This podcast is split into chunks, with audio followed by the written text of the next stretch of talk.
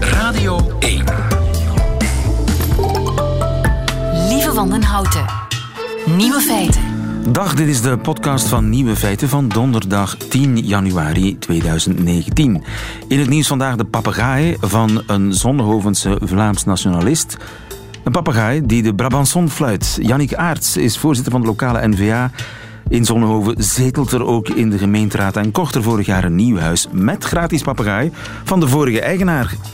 Pico, leuk beest met helaas voor de Vlaamsvoelende Jannik één nadeel.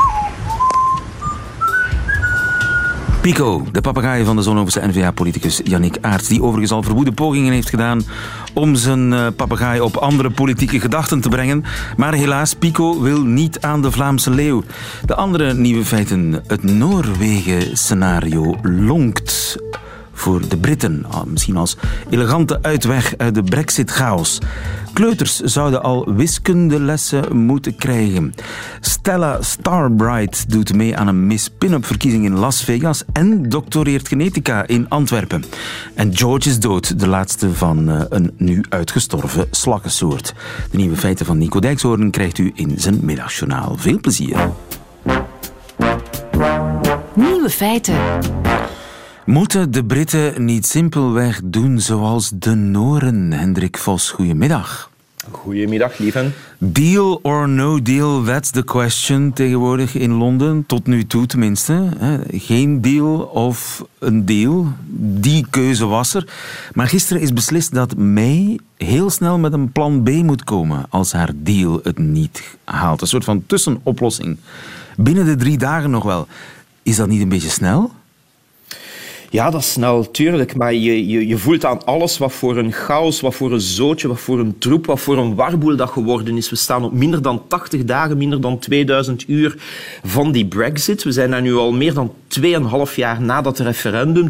2,5 jaar dat men zich daar het hoofd over breekt. En ja, men raakt daar niet uit, blijkbaar. Hè. Men vindt geen scenario waar dan iedereen, of waar zelfs maar een meerderheid zich in kan vinden. En ja, nu wordt de tijdsdruk toch wel extreem groot en, en begint men in paniek wat te denken aan... Uh, ja, wat zijn dan de B-plannen en, en, en wat zijn de scenario's om hier op een of andere manier toch wel ergens iets van invulling aan te geven? Ja, zou het Noorwegen-model iets zijn voor de Britten?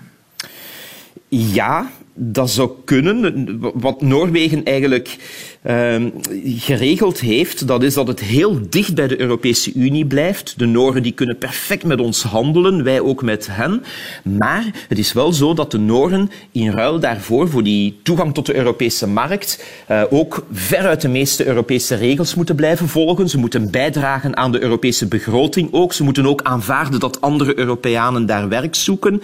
En ja, laat dat nu de dingen zijn die destijds de Brexiteers in het referendum gezegd hebben. Hier willen we vanaf. We willen niet meer uh, moeten rekening houden met die Europese regels en we gaan niet meer bijdragen aan de Europese begroting. Dus als je voor zo'n Noorwegen-scenario gaat, dan ja, trek je je land wel uit de Europese Unie, maar tegelijk is het een verraad aan al die beloftes van de Brexiteers van destijds. Maar zo'n uh, statuut in Noorse snit, uh, betekent dat vrij verkeer van personen en goederen?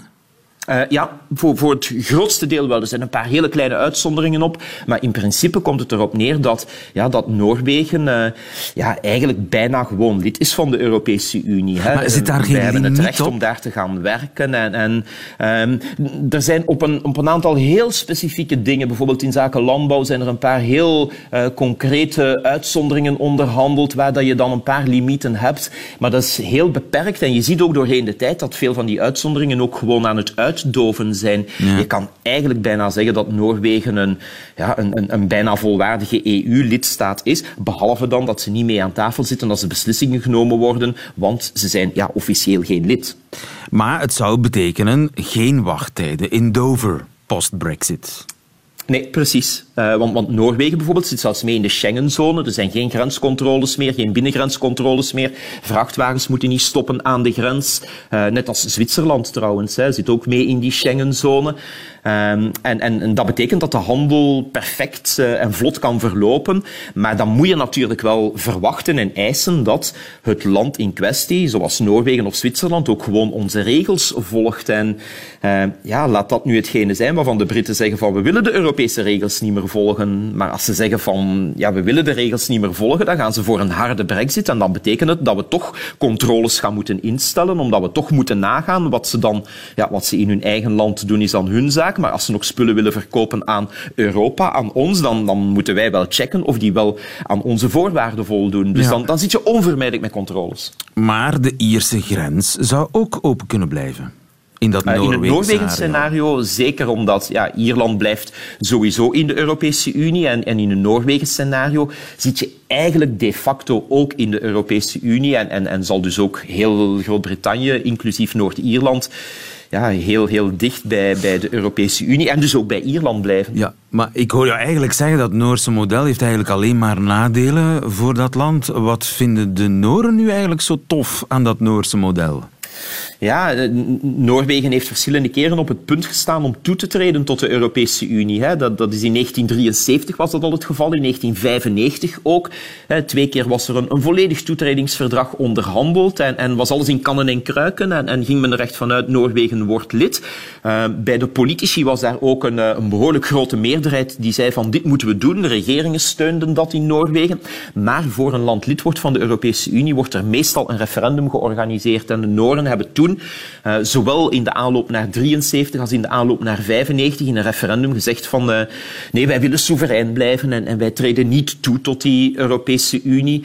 En ja, natuurlijk, je kan als je kijkt wat de situatie vandaag is, wel je afvragen wat die soevereiniteit dan eigenlijk inhoudt. Maar goed, Behalve het gaat om identiteit. in het gaat naam. om, uh, ja, het gaat eigenlijk om psychologie.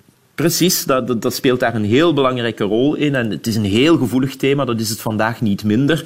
Uh, maar toen speelde dat ook al en dat maakt dat de Noren zeggen van nee, wij blijven buiten de Europese Unie, dan zijn wij een soeverein land. Maar ja, als je gaat kijken in de praktijk hoe dat is uitgewerkt, dan zie je in de wereld van vandaag dat ja, dat idee van baas over je eigen land, dat dat ja, goed, oké, okay, je kan proberen, maar dan, dan word je zo'n soort Noord-Koreaatje. Maar van zodra dat je met andere landen echt begint samen te werken, ja, dan moet je samen regels afspreken en, en dan, ja, dan beland je in zoiets wat, wat Europese Unie-achtig is. Hè?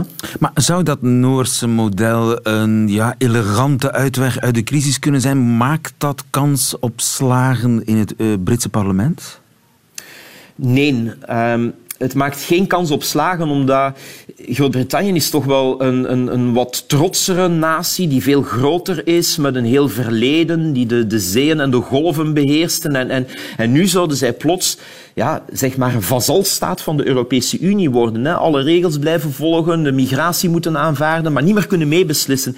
Ik zie dat de Britten niet goedkeuren, zoiets. Maar misschien maar, een aangepast elk ander scenario. Model? Ja, maar met limieten. Het probleem is dat, dat er geen, geen enkel scenario dat op dit moment op tafel ligt ook maar enigszins haalbaar blijkt. Uh, maar er zal toch iets moeten gebeuren. Dus dat men dan uiteindelijk toch op zo'n piste van Noorwegen met dan een paar uh, ja, wat extra uitzonderingen hier en daar, uh, dat men in die richting begint te denken, verbaast mij niet. Maar goed, dan doe je de doos van Pandora open, want dan gaat Noorwegen misschien ook een paar uitzonderingen vragen en dan staat Zwitserland daar en dan ja, waarom zouden wij als Europese Unie daar dan zoveel op beginnen toegeven? Dus voor de Europese Unie gaat het toekennen van uitzonderingen ook niet zo, zo voor de hand liggend zijn, hoor. Het blijft spannend. Hendrik Vos, professor Europa, dankjewel. Goedemiddag. Graag gedaan. Tot later.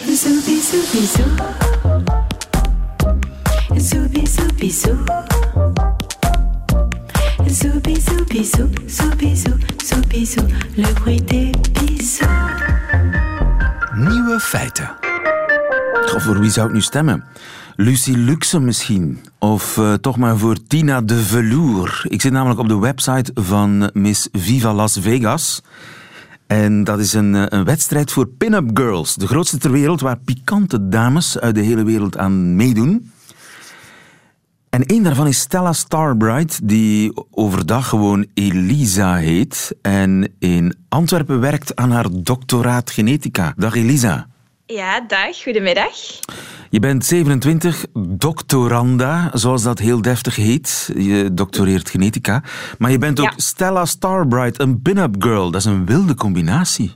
Ja, ik weet dat het een niet voor de hand liggende combinatie is, maar dat maakt het testen interessant, denk ik. Maar ik heb daar de wildste voorstellingen bij. Hoe, hoe herken ik een pin-up?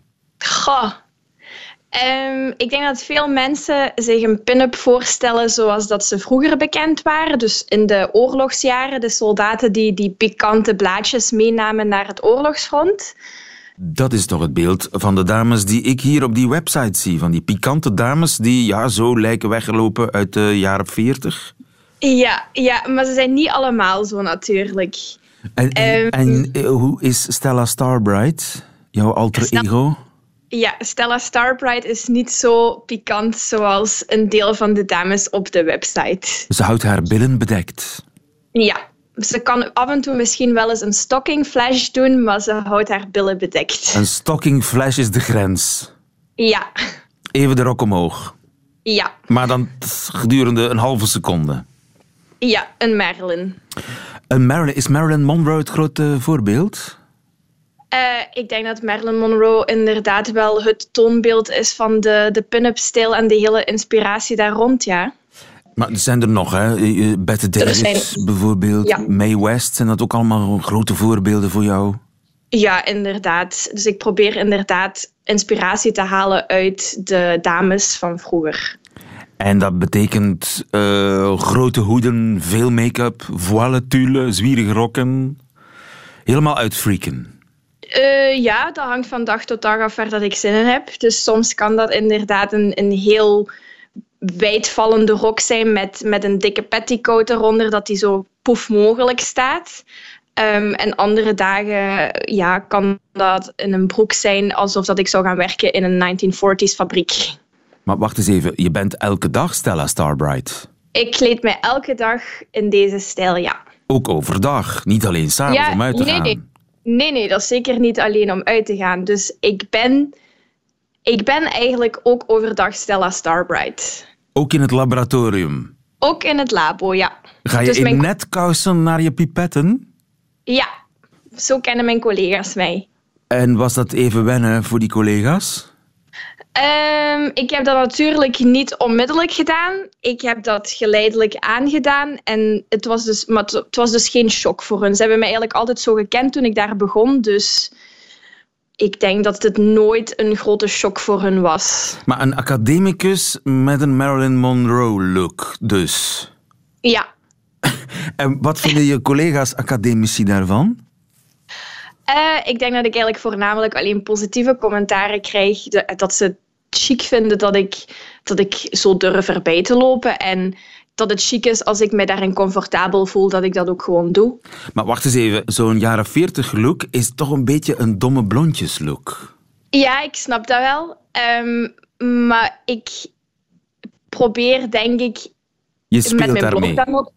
Ja, ik, ik probeer te laten zien eigenlijk. En ik hoop eigenlijk ook een, een, een voorbeeld te zijn dat het kan. Dat je beide kan combineren als je dat wilt. Dus als jij je comfortabel voelt met een bepaalde look, dan moet je daar gewoon voor gaan. En ik snap dat sommige mensen het moeilijk vinden om inderdaad een academische titel te combineren met veel make-up en een heel extravagant uiterlijk. Maar ik hoop te kunnen laten zien dat beauty en brains wel samengaan.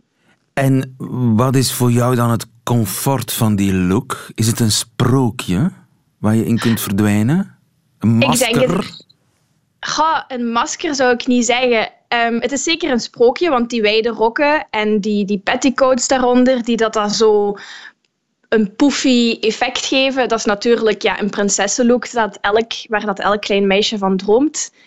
Ehm, dus op dat opzicht is het zeker een sprookje. Ik voel me elke dag een prinses. Ehm, maar het is zeker geen masker, want het is wie dat ik ben en het weerspiegelt mijn persoonlijkheid. Omdat ik gewoon, ja, ik ben gewoon zo uitbundig. En dat wil ik ook laten zien in hoe dat ik erbij loop. Je moet eh, hoe dan ook vroeg of laat je doctoraat gaan verdedigen voor een jury. Ja, Weet je al wat je gaat aantrekken? nee, dat weet ik nog niet, omdat ik misschien tegen dan weer iets nieuws heb. Maar ga je full glam? Ehm, nee, ik probeer ehm, voor zulke dingen het toch professioneel te houden, zeg maar. En ik snap ook dat niet iedereen ehm, misschien ja, opgezet is met deze look. Dus ik zal sowieso mezelf zijn, maar het is niet dat ik ja, het gaat niet met en stockings zijn en de haren helemaal gedaan en een hele dikke laag make-up. Het en... zal een low-profile Stella Starbright zijn die Ik denk uh, het, ja. de jury van uh, haar doctoraat zal proberen te overtuigen. Niet zo in Las Vegas, veronderstel ik. Stel dat je Ja. daar uh, in de finale gaat zitten. Wat gaat daar dan gebeuren? Moet je, moet je dan defileren, een dansnummertje doen, een interview geven? Uh, ja, dus, het is niet zoals, zoals dat wij Miss België kennen. Dus er is geen défilé. Er is ook geen talentenshow. Um, het is echt gewoon... Um, er is wel een vragenronde waarin dat je een vraag moet beantwoorden. Um, maar die vraag, die gaat, hoe dat je die ook beantwoordt, die gaat eigenlijk de uitslag niet meer echt beïnvloeden. Omdat de stemming eigenlijk al daarvoor gebeurt. Dus de bedoeling is eigenlijk op het event zelf, de mensen die daar aanwezig zijn, die, dat is dan het stempubliek.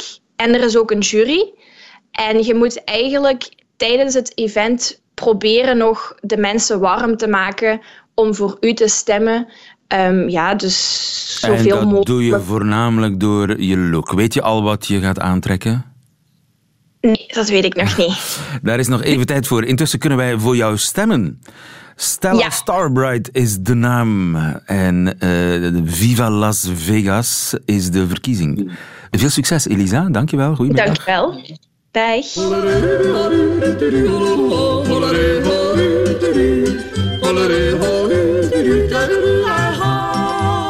Feiten. En er zat iemand aan de andere kant van de lijn luid te protesteren toen ik zei dat die 50s look voor dames toch een beetje een domme blondjeslook was. Pedro de Bruiker, hè?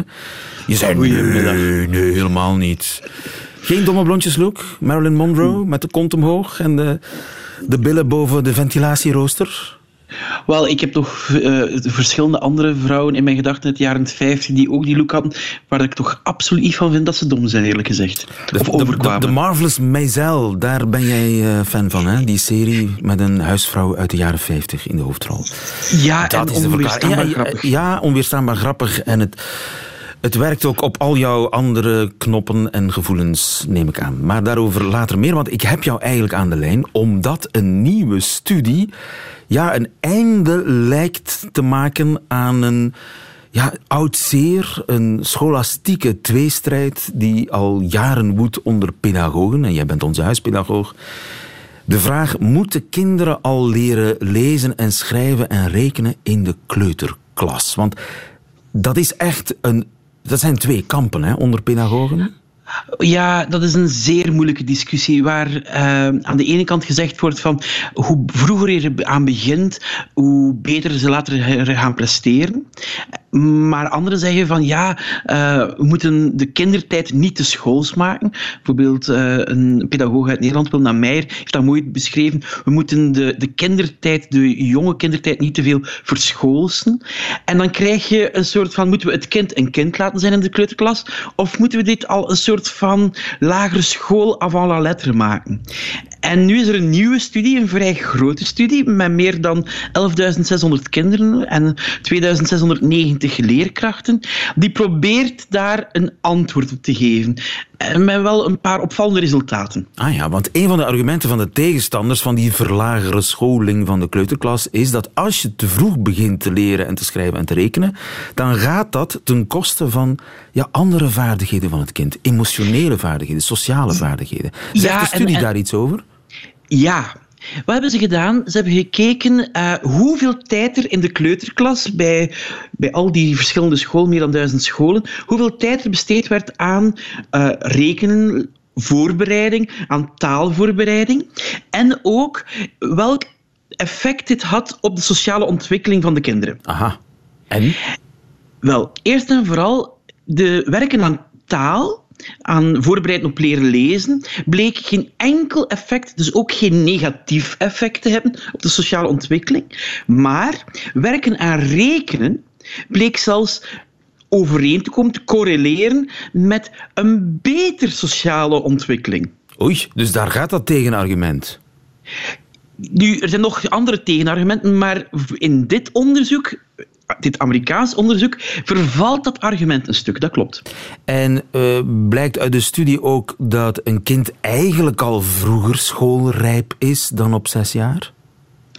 Dat is een heel moeilijke. Dit, in dit onderzoek blijkt dat niet, maar je zou het wel kunnen een stukje uit, uit afleiden. Want een van de belangrijkste inzichten uit dit onderzoek, wat blijkt daaruit, is dat het een, een manier is, als je er vroeger aan begint, om op die manier um, ongelijkheid meer tegen te gaan. Wat zegt men ook? Scholen die ietsje vroeger mee begonnen, dat daar um, de, de kloof tussen arme en rijke kinderen verkleinde omdat die kansarme kinderen dan eigenlijk, of die minder begaafde kinderen, in welke opzichten dan ook, uh, ja, vlotter de overgang maken naar de echte grote school. Ja, en dat ze daar dan in feite vlugger mee konden. Maar ik moet wel ook even een paar mensen die waarschijnlijk nu al uh, behoorlijk boos beginnen te worden, ook wel een stuk geruststellen.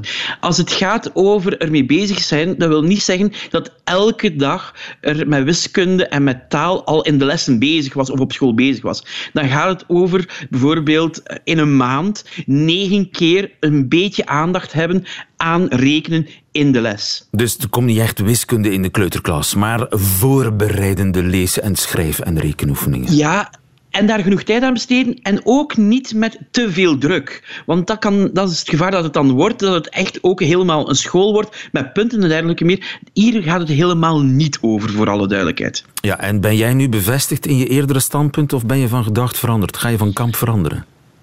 Ik ben in deze veld ben ik zelf heel bewust behoorlijk uh, een middenpositie. In die zin, ik geef, dit onderzoek geeft aan dat gewoon ingaan op prikkels die van kinderen komen en het niet systematisch aanpakken, dat dat misschien te weinig is, dat er meer in zit. Maar het zegt tegelijkertijd wel ook nog altijd dat een kleuterklas nog veel meer mag zijn. En bijvoorbeeld een van de kritieken die ook vaak komt, is dat er dan te weinig ruimte voor spel is. Daar zegt dit onderzoek niks over. En we weten uit ander onderzoek dat genoeg spelen en genoeg met elkaar spelen ook heel belangrijk is. Het zegt enkel maar van, kijk, in dat evenwicht dat we moeten zoeken, is er genoeg nood aan systematische benadering, maar moet er ook nog genoeg ruimte zijn om een kind een kind te laten zijn. Een kind moet een kind blijven, maar een beetje voorbereiden op, uh, een beetje meer voorbereiding op de lagere school. Een kleine, een lichte verlagere scholing van de kleuterklas zou zeker geen kwaad kunnen. Dat is de conclusie van de, studio, van de studie. Dankjewel, Pedro de Bruikere. Goedemiddag. Laten we even onze wiskundeoefeningen al een beetje uh, oefenen. Hoe zeg je dat ook alweer? Nieuwe feiten. De wereld is uh, enigszins in de rouw, want George is dood. Veertien is hij geworden. George uh, heeft het nieuwe jaar net niet gehaald. En hij was de laatste. De laatste van zijn soort. Met hem is een hele zeldzame soort slak uitgestorven. Thierry Bakkeljauw, goedemiddag. Goedemiddag. Je bent bioloog van het Natuurhistorisch Museum in Brussel en slakkenexpert. Om welke zeldzame slakkensoort gaat het in het geval van George? Ja, het gaat om het, met de, de Latijnse naam te zeggen, het Agatinella apex fulva. En dat is een eh, soort die alleen op één eilandje in de archipel van Hawaii voorkomt. En is het een grote slak? Groot, voor slakken is het zeker vast geen klein. Ze wordt ongeveer van maximum tweetal centimeter groot. Uh, in haar groep is dat relatief groot, maar natuurlijk heb je veel grotere slakken. Maar uh, voor, haar, voor haar, haar groep is het werkelijk toch een grote slak, ja. En behalve dat die alleen op dat ene eilandje op Hawaii uh, voorkomt, is er nog iets bijzonders aan die soort? Wel, eh, dat zijn, het is eigenlijk, ze behoort tot een groep van slakken die uh, in het bijzonder in Hawaii heel erg uh, geëvolueerd is. Dus er zijn honderden soorten die louter en alleen in Hawaii op enkele eilandjes of maar op enkele, in enkele valleien of bergtoppen voorkomen. Um, en dat is nu juist het, het, het, het speciaal aan die groep. Uh, je hebt het heel dikwijls in vele eilandarchipels dat je zo van die unieke uh, radiaties krijgt, dus soortvorming, waarbij je dus een enorm groot aantal verschillende soorten krijgt die elk op een heel beperkte uh, plek voorkomen. En dat maakt die soorten natuurlijk heel erg kwetsbaar voor uitsterving. En dat is hetgeen wat natuurlijk met George gebeurd is. hij was uiteindelijk het, de nakomeling van een kleine groep slakken die men al in, in, in, in een eh, terrarium hield, omdat ze in de wilde populaties al waren uitgestorven. En is die soort altijd zeldzaam geweest, ook op die eilanden? Nee. Nee, nee, nee. Uh, wanneer je een kleine 200, 300 jaar terugging, uh, dan waren dat zeer algemene soorten, waren die zeer, zeer talrijk in Hawaii, zeer beperkt qua verspreiding, maar hun populaties waren zeer groot. En, dat is natuurlijk uh, veranderd met de komst van de mens in de eerste plaats, waarbij de mens ook een heleboel andere dieren in Hawaii heeft geïntroduceerd. En daardoor is, is, is uiteindelijk, eh, zijn heel veel van de lokale soorten uh, uitgeroeid geraakt. En is dat de enige reden waarom die soort is verdwenen? Dat er ja, uitheemse predatoren zijn gekomen? Wel, het is zo. Er is natuurlijk ook het verzamelen van de mensen zelf. Hè. Dus uh, zeker vast de Europese kolonisten hebben de soort zeer uh, erg verzameld voor de Europese kabinetten, hè, voor de verzamelingen. Die mensen deden dat als, als hobby. en ook de lokale bevolking verzamelde die omdat ze zeer mooi, prachtig gekleurd zijn en omdat er daar een aantal religieuze betekenissen aan wordt gegeven. Dus er is langs de ene kant het verzamelen door de mens. Maar langs de andere kant, de grote uh, en de belangrijkste factor is de introductie van predatoren. En die werden geïntroduceerd omdat men eerder al een andere landslak had geïntroduceerd. En dat waren herbivoren. Dat waren grote agaatslakken. En die werden geïntroduceerd omdat uh, men die onder andere at. En ja, goed, uiteindelijk werden die agaatslakken zelf pestsoorten. En dan heeft men, om die pestsoorten onder controle te krijgen, heeft men een, een, een, een predatorslak, een roofslak ingevoerd. En dat is de roze wolfslak. Uh, alleen is het zo dat eh, die roze wolfslak, toen die werd geïntroduceerd in Hawaii, dat hij daar eigenlijk de keuze had van prooi, namelijk de prooi, de geïntroduceerde agaatslakken, of de lokale slakken, de unieke slakken, die niet aangepast waren aan die rovers. En, en vandaar... Die koos toch wel de verkeerde, zeker? Die kozen de verkeerde en dus hebben dus die geïntroduceerde roze wolfslakken hebben massaal de lokale unieke soorten uh, opgegeten, terwijl dus de geïntroduceerde soort die ze werden verondersteld te gaan opeten, dat die er nu nog altijd zeer uh, weelderig tiert. Zeg maar, die soort van George die had een religieuze rol in Hawaii. Hoe zit wel, dat? Dat gebeurt, dat, dat gebeurt wel meer, dat, dat bepaalde diergroepen, dieren of planten, een bepaalde uh, functie krijgen. Dus, bijvoorbeeld, men dacht dat deze slakken konden zingen, hè, dat die, dat die dus heilige gezangen konden voorbrengen. Dat is natuurlijk de menselijke fantasie die hier speelt, maar daardoor hadden die, die, die slakken een soort van mythische uh, functie uh, binnen de lokale gemeenschappen. En vandaar dat ze dus werden vereerd. Dat gebeurt ook in nogal andere gemeenschappen waar bepaalde slakken gebruikt worden, ook als instrument zelf, uh, of als heilig instrument om in contact te komen met, met, met goden. Ja, en het heeft uh, mee de soort de das om gedaan dat ze the voice of the forest, de stem van het woud, werden genoemd. Zo zou je dat kunnen noemen, ja. Zij, en George zelf, waar woonde hij? Woonde hij nog in het woud? Nee, nee, nee. George die zat al, hij heeft heel zijn leven in een terrarium geleefd. Hij was dus de nakomeling van dus die populatie van een twintigtal dieren die men uh, in gevangenschap hield, juist om de soort te beschermen. Uh, dan is er in die kweek uh, op zit, dat was aan de Universiteit van Hawaii, is er in die kweek op zit, is er daar op een gegeven moment een, een grote doods, er zijn er heel veel individuen gestorven, maar is er dus één nakomeling, en dat was George, die uiteindelijk is kunnen overleven, heeft kunnen overleven. En dat heeft hij een, 14 jaar kunnen volhouden. Uh, hij was een beetje een beroemdheid geworden, hè? Ja, absoluut. Hij was een lokale beroemdheid. En dus uh, de schoolkinderen, de scholen gingen hem regelmatig bezoeken. Dat was, heel, uh, was eigenlijk ja, een, emblematische soort. Hè. Dat was een beetje een, een, een ticoon geworden. hoewel hij al wel ouderdomsverschijnselen vertoonde. Hè. Hij was niet erg actief niet meer en zo. En er was niet veel beweging meer in te krijgen. Maar hij leefde alleszins nog wel. En, en hij overleefde als het ware nog. Maar is dus nooit zelf tot voorplanting kunnen komen. En vandaar dat hij dus de laatste in zijn soort was. Is een beetje te vergelijken met de, de laatste... Uh, de, de, de George, want hij, hij, de, naam George komt eigenlijk van de, de, de schildpad, de Galapagos-schildpad, die met de Lonesome George ja, ja, hij was eigenlijk de geestelijke broer van Lonesome George. Ja, ja, ja, ja, dat is ook je het noemen. En dus het was eigenlijk hetzelfde geval. Ook Lonesome George is uiteindelijk gestorven in 2012. En daarmee was hij ook de laatste vertegenwoordiger van die soort die verdwenen was. Ja, hij had een beetje schuw karakter, hè? Ja, absoluut. Ja, ja. En dus natuurlijk, wanneer je in gevangenschap zit, uh, zoals George, de slak dan, ja, dan, dan zit natuurlijk al... Uh, men had een beetje gehoopt op een gegeven moment dat hij zich toch nog zou voorplanten, misschien door zichzelf te bevruchten, want het is een hermafrodiet. En soms kunnen hermafrodieten slakken zichzelf bevruchten, maar dat is uiteindelijk niet gebeurd. Ja, hij bleef vaak in zijn schulp zitten. Krijgt hij een graf? Uh, wel, op een bepaalde manier wel. Uiteraard, zijn schelp wordt bewaard in de collecties. Uh, zijn lichaam wordt bewaard in een uh, alcoholstaal voor verder onderzoek. En men heeft ook een stukje van het voetspierweefsel bewaard, diepgevroren, om later hopelijk, men hoopt daar dan via DNA technieken om daar het genoom te kunnen kloneren en op zo'n manier, op die manier misschien de soort terug te kunnen gaan hercreëren, zo je wil, en terug te kunnen gaan uitzetten. Maar dat is nog een heel verre droom en het valt maar te bezien of dat, dat ooit echt mogelijk gaat zijn en of dat het dan nog wenselijk gaat zijn om dat te doen. Thierry Bakkeljauw, dankjewel. Goedemiddag. Met veel plezier. Bedankt. Nieuwe feiten. Middagjournaal. Beste luisteraars. Gisteren gebeurde er iets heel vreemds.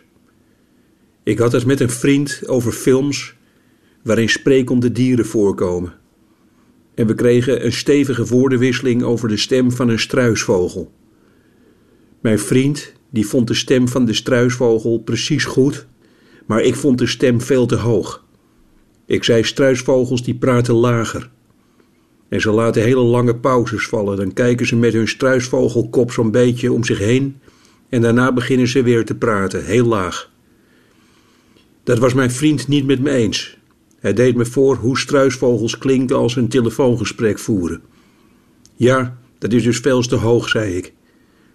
Dit is misschien een struisvogel die aan een ballonnetje vol lachgas heeft staan zuigen, maar zo klinkt een echte struisvogel niet. Op dat moment kwam mijn vriendin Tanja de kamer binnen. Ze keek ons niet aan en ze zei: Struisvogels kunnen niet praten. En dat was me nogal een inzicht. Ik schrok. Ze had gelijk, maar hoe kon het dan dat ik een heel uitgesproken idee had over de stem van een struisvogel? Het ging zelfs nog veel verder. Nu ik erover nadacht, had ik ook hele specifieke ideeën over het stemgeluid van andere dingen die helemaal niet konden praten. In een reclame op de Nederlandse televisie stoor ik mij al jaren aan de stem van een sprekende koelkast. Die is veel te vrolijk. Een koelkast die praat heel langzaam. Ho, ho, ho. Doe mijn deur dicht, want alle kou verdwijnt. Ongeveer zoiets.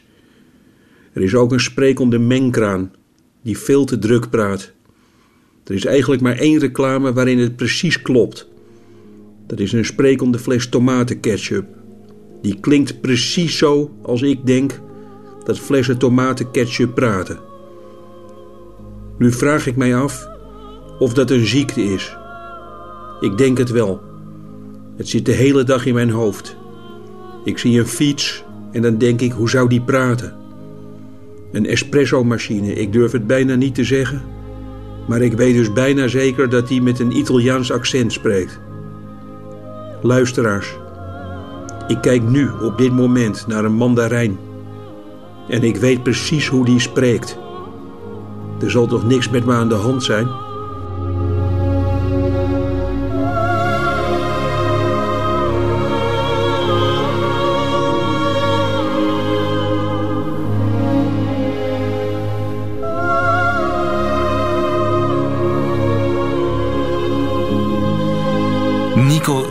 Horen die niet werd opgehaald door onze medische dienst, voor alle duidelijkheid. Einde van deze podcast. Maar u vindt er nog veel meer op radio1.be en op alle andere podcastkanalen. Tot volgende keer.